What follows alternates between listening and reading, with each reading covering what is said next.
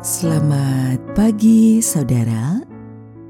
Kembali kita ada di dalam sapaan pagi, mendengarkan Tuhan menyapa kita di dalam firman-Nya.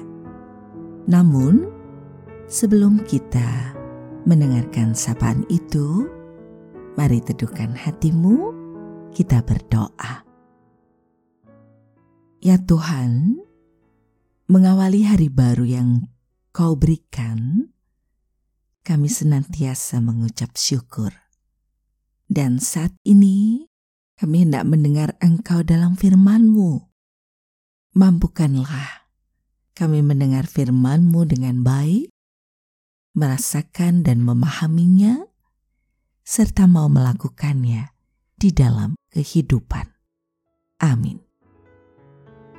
Saudaraku, Sapaan dalam firman-Nya kita terima melalui kitab Yeremia pasal 31 di ayat 17a. Masih ada harapan untuk hari depanmu. Demikianlah firman Tuhan. Kita akan refleksikan dalam tema masih ada harapan.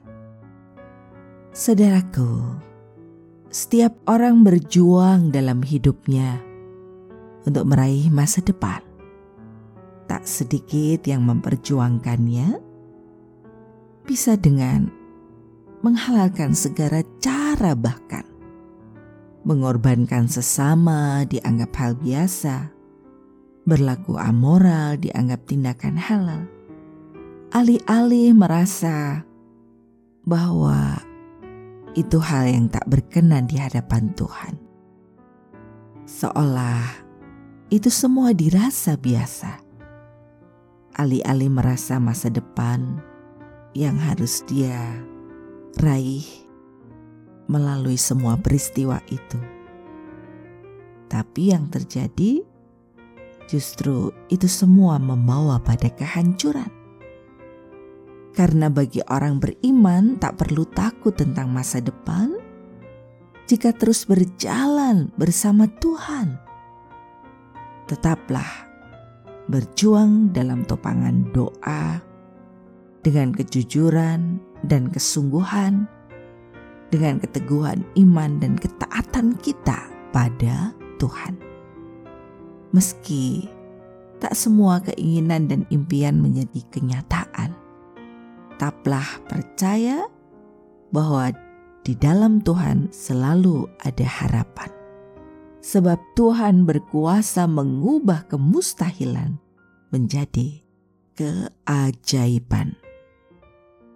Terus jalani harimu dengan penuh penyerahan diri kepadanya sang empunya hidup kita ini dan kita akan akhiri juga di dalam sapaan pagi melalui doa. Tuhan terima kasih firman-Mu kami dengar, kami rasakan. Dan biarlah kami belajar menghidupi dalam realitas setiap hari dengan terus berserah dan berjuang melakukan yang terbaik dalam kemuliaan-Mu. Terima kasih untuk rengkuhan cinta kasih Tuhan karena di dalam ketidakberdayaan, ia senantiasa menopang kehidupan kami.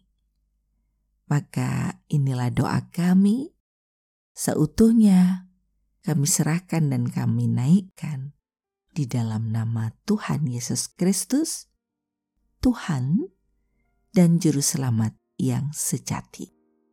Amin. Saudaraku, demikianlah sapaan pada pagi hari ini. Terus dengarkan Tuhan menyapa kita di dalam firman-Nya. Saudara bersama saya Esti Widya Stuti, Pendeta Jemaat Gereja Kristen Jawa Pakem, ada di lereng Gunung Merapi. Tuhan memberkati.